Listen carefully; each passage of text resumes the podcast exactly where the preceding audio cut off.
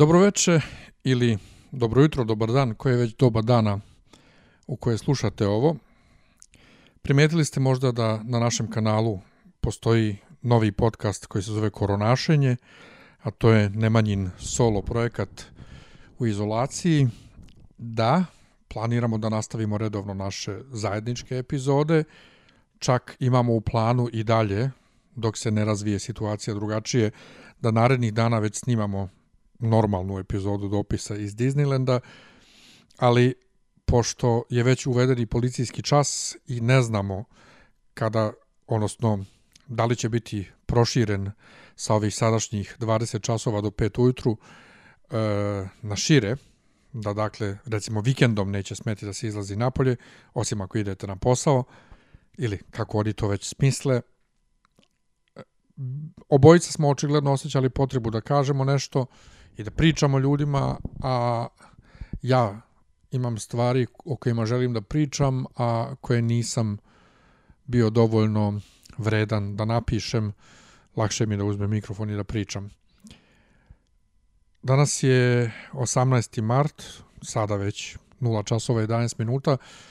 Ja sam malo pre išao do grada da uplatim neke pare na račun.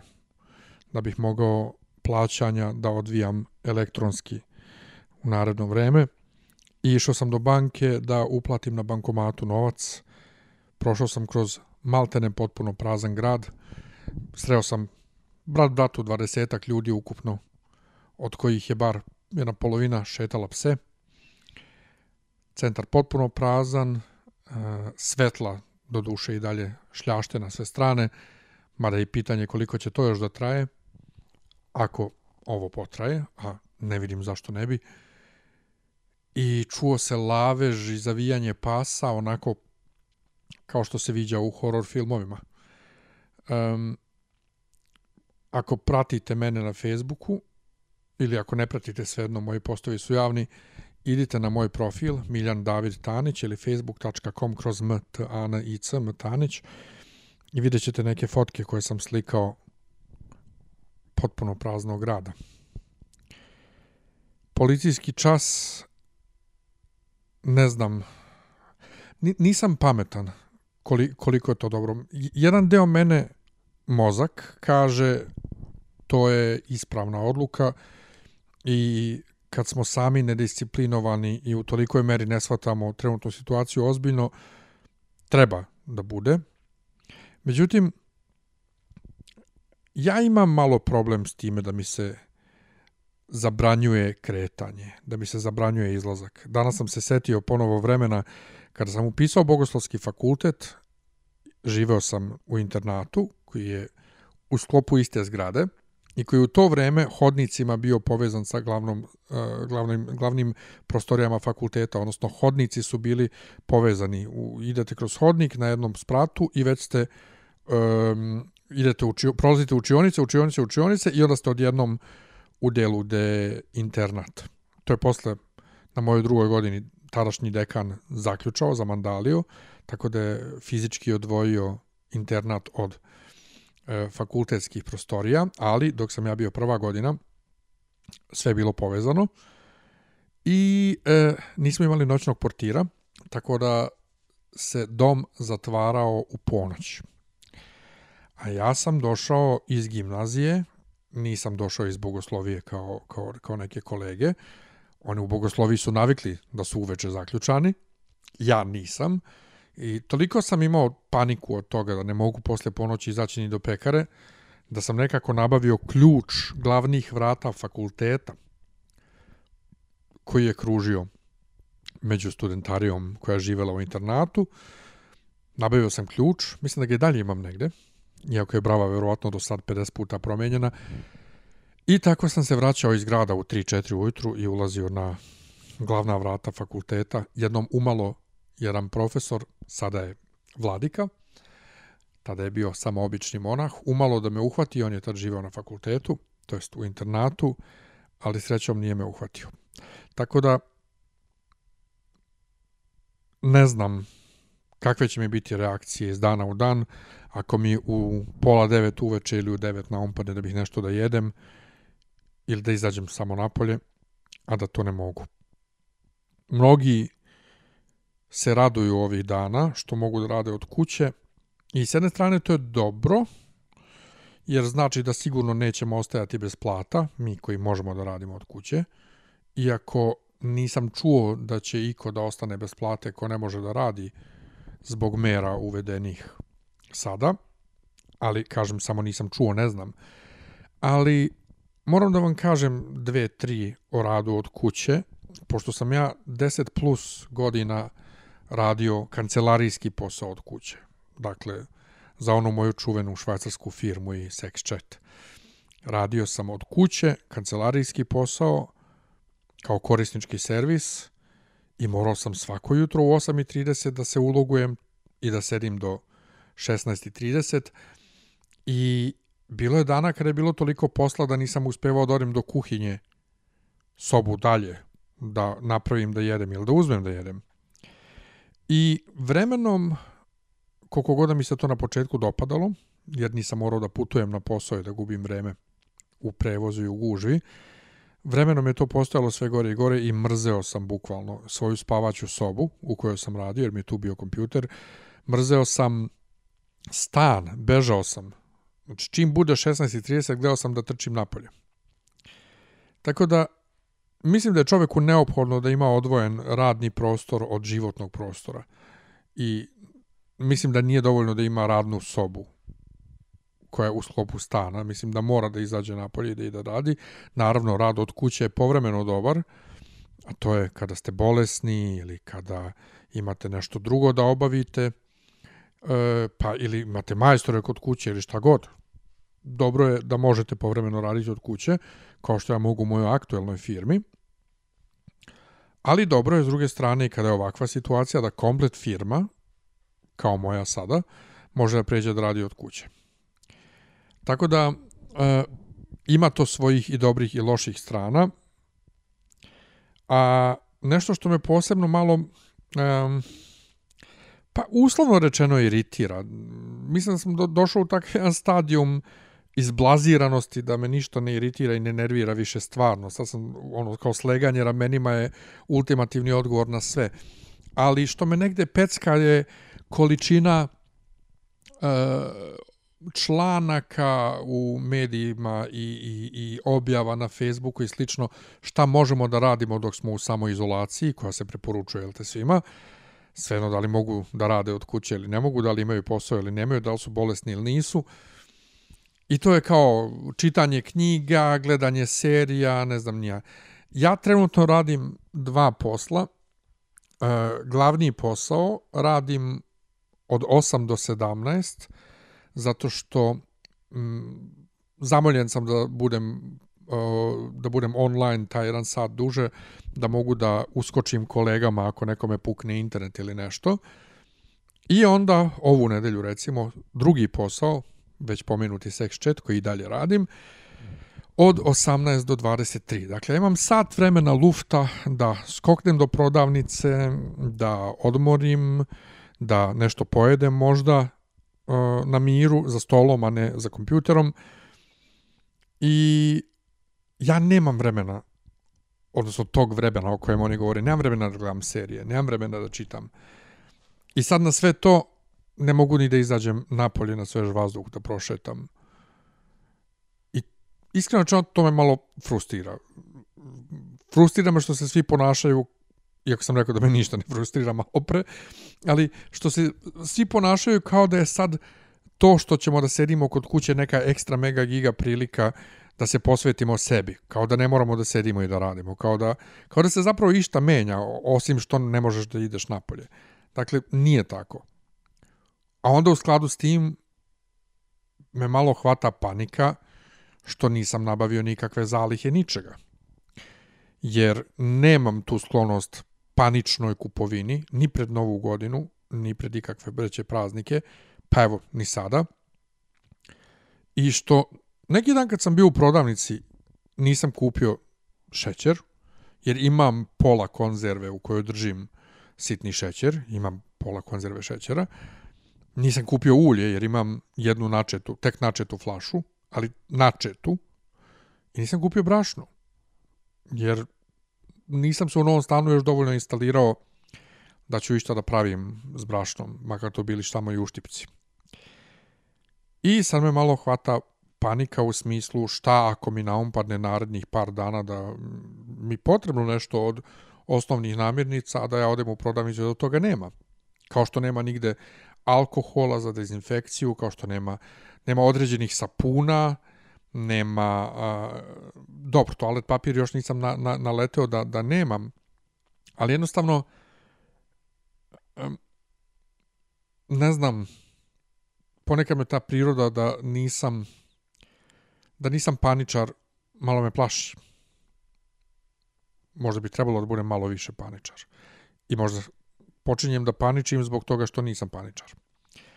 Ali se sve uzdam u to da će pa ove restriktivne mere kretanja možda da dovedu u redi prodavnice, ali previše sam či, čitao knjiga i gledao filmova o apokaliptičnim događajima koji mi ne ulivaju mnogo nade. Ali upravo ta panična kupovina s jedne strane je na radovanje, uslovno rečeno, na radovanje, da su ipak svi ljudi širom planete isti i to je onaj dokaz rasistima, nacionalistima i kojim drugim stima koji misle da su ljudi različiti. Ne. Od Australije preko Evrope do Amerike svi ljudi se identično ponašaju. Ja sam čuo priču da se u Australiji kupovao masovno toalet papir zato što oni pulpu za proizvodnju papira dobijaju iz Kine i onda kada Kina zatvori e, slanje svega van granica, oni će ostati bez papira. A mi ovde u Evropi imamo svoje izvore za toalet papir, te stoga nemamo potrebe za panikom te vrste, ali ljudi vide na internetu i onda to oponašaju. Dakle, oponašanje kao najprostiji primati, a ne ovi veliki sapiensi za kakve sebe smatramo, se tako ponašaju. Tako da, s jedne strane, raduje, dakle, što vidi se da smo jedna jedinstvena vrsta. S druge strane, tužno je, jer i strašno je, jer ako se sećate, ako ste slušali uh, podcast dopisi iz Disneylanda, čuli ste verovatno mene više puta kako kažem da ovo stanje političko kod nas kakvo je, da me, da me zastrašuje što trenutno nema nikakve spoljnje sile koja može u kojoj možemo da se uzdamo kao što su se nekad uzdali u to da će da sklone slobu i da će ovo da urade, da će ono da nam urade, da će nam donesu standard, da nam uvezu standard. Toga više nema zato što i kod njih isto sranje. I isto, isto je ovako neorganizovano. Isto je panika. Tako da svi smo u istim govorima što je super, ali nema, nema tog svetla tamo negde da, da, da se vidi da će biti da će biti bolje zato što je tamo u nekoj Nemačkoj mnogo naprednije bolje. I plaši me iskreno na šta će ličiti ekonomski sistem sveta posle ovoga i šta će da se desi.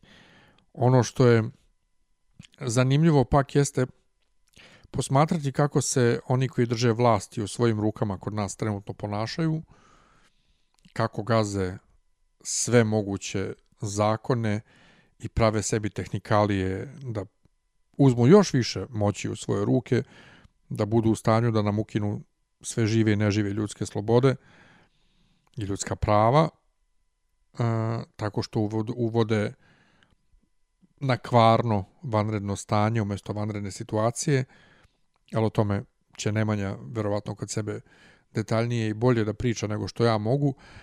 E, ali ćemo i verovatno i u našem zajedničkom podcastu pričati o tome. Jednostavno još jednom su pokazali kako su oni ljudi kojima je data u ruke igračka, koji, kojima smo mi, mi smo im dali tu igračku, ako nećemo da idemo u teorije zavere da je njih neko doveo na vlast. Dakle, dobili su igračku u ruke ili Ajde malo da e, malo bolju analogiju da napravim. Društvenu igru su dobili u ruke, a ne znaju dovoljno pravila. Ne znaju pravila i jednostavno igraju po sobstvenim pravilima. A ostali saigrači, u ovom slučaju mi, građani, samo možemo nemo da posmatramo i da ne možemo ništa da uradimo, jer su toliko bahati i toliko moći imaju da im ne možemo ništa. I nećemo im ništa. Jer mi smo takvi, mi volimo da vlast piša po nama, to smo dokazali do sad više puta, ponovo ako ne idemo u teorije zavere o tome da njih neko postavlja na vlast, a ne da ih mi biramo.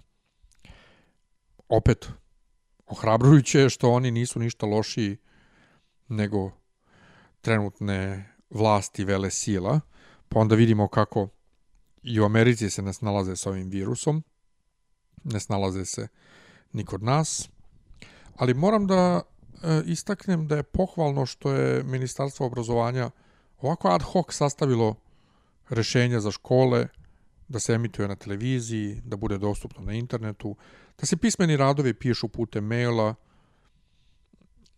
Iznenađen sam. Iznenađen sam i brzinom s kojom je sastavljen program. E, jeste, dešavaju im se greške, naravno, ali e, kao kad pričamo o Beoviziji, ja, znate koliko ja volim da budem kritičar, ali volim i da pohvalim ako se vidi trud i ako je, ako je nešto u suštini korisno. A ovo što se dešava sa školom jeste korisno i možemo se potruditi da manje kritikujemo čisto radi kritike ili samo zato što su oni koji to trenutno organizuju na drugom na drugoj strani političkog spektra u odnosu na nas jednostavno pa pohvaliti to što se radi pohvaliti one koji to rade ja mislim da je ovo mnogo bolje rešenje nego što ga verovatno mnoge zemlje sa boljim standardom imaju. Tako da s te strane zaista je pohvalno.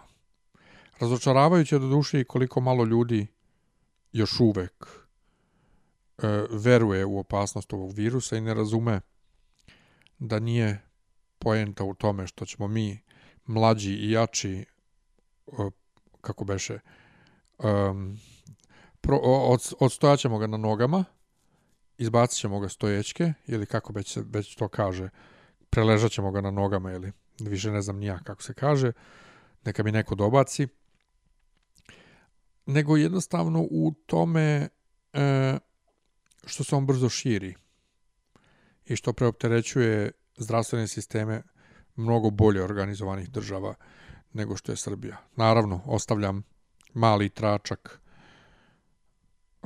zraka za mogućnost da je sve ovo velika teorija zavere, ipak nisam ja džaba odrastao na dosjeu X, ali mislim da je svrsishodnije i pametnije ne praviti se previše pametan u, oko stvari za koje se nisi školovo i kojima se ne baviš u svakodnevnom životu u smislu da ti je to profesija i slušati stručnjake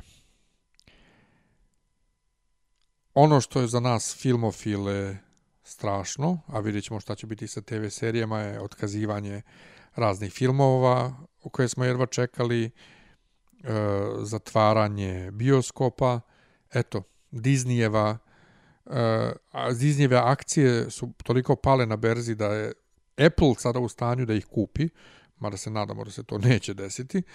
Black Widow je otkazan, to jest pomerenje, verovatno će biti i Wonder Woman, Bond je prvi shvatio i smešno mi je kako sam ja kada, kad je Bond otkazan odnosno pomeren i kada je krenula priča na ovim nekim evrovizijskim grupama na, na, na Facebooku stranim da će možda Eurovizija biti otkazana, pomerena, prebačena u neki drugi format ili nešto bio fazon. Ljudi, ja ste vi normalni, ovo je manje ljudi umrlo nego od sezonskog gripa, niko ne pravi frku oko sezonskog gripa, niko nije pravio frku oko svinskog gripa, ptičije grpa u ov, u gri, grpa, gripa u ov, ovim razmerama.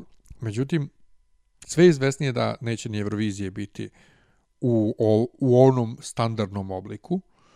Ja verujem da će biti u nekom obliku, e, mada Izraelska televizija večera se nešto natuknula da će verovatno biti otkazana. E, ja se nadam da će biti samo pomerana na neki kasniji datum. Sportske događaje su, znate i sami, potkazivani ili pomereni. Pitam se kako, kako, će, kako će društvo da izgleda kad sve ovo prođe. Da li, da li će biti sve isto? Jeste. Znam da brojčano kad se pogleda trenutni broj obolelih od ovog virusa, to je zvanični broj i zvanični broj umrlih ne deluju strašno, ali zaključava se sve u naše domove i stvarno se pitam šta će biti s nama dalje. I za kraj bi se, za kraj ove epizode bih se pozabavio pitanjem onim koje sam malo pre kritikovao šta možete raditi u izolaciji, šta stvarno uzeti čitati. Ja znam da je morbidno, ali meni se sad recimo mnogo čita ponovo uporište Stephena Kinga, odnosno The Stand, ona priča o super gripi koja pobegne iz laboratorije i pokosi ceo svet. Um, to mi se čita. Igra mi se igrica Plague Inc. To je ono igra gde vi treba da sastavite bolest i da njome ubijete celo čovečanstvo, a da pazite da niti ona prebrzo ubija da neće biti dovoljno ljudi zaraženo, niti da presporo se širi, jer će onda ljudi naći lek. I sećam se da sam tu igru igrao pre 7-8 godina, bila mi je zabavna, do trenutka kad sam došao na 95-6-7% ubijenih stanovnika zemlje i kad sam prešao igri, kad sam uspio da je pređem.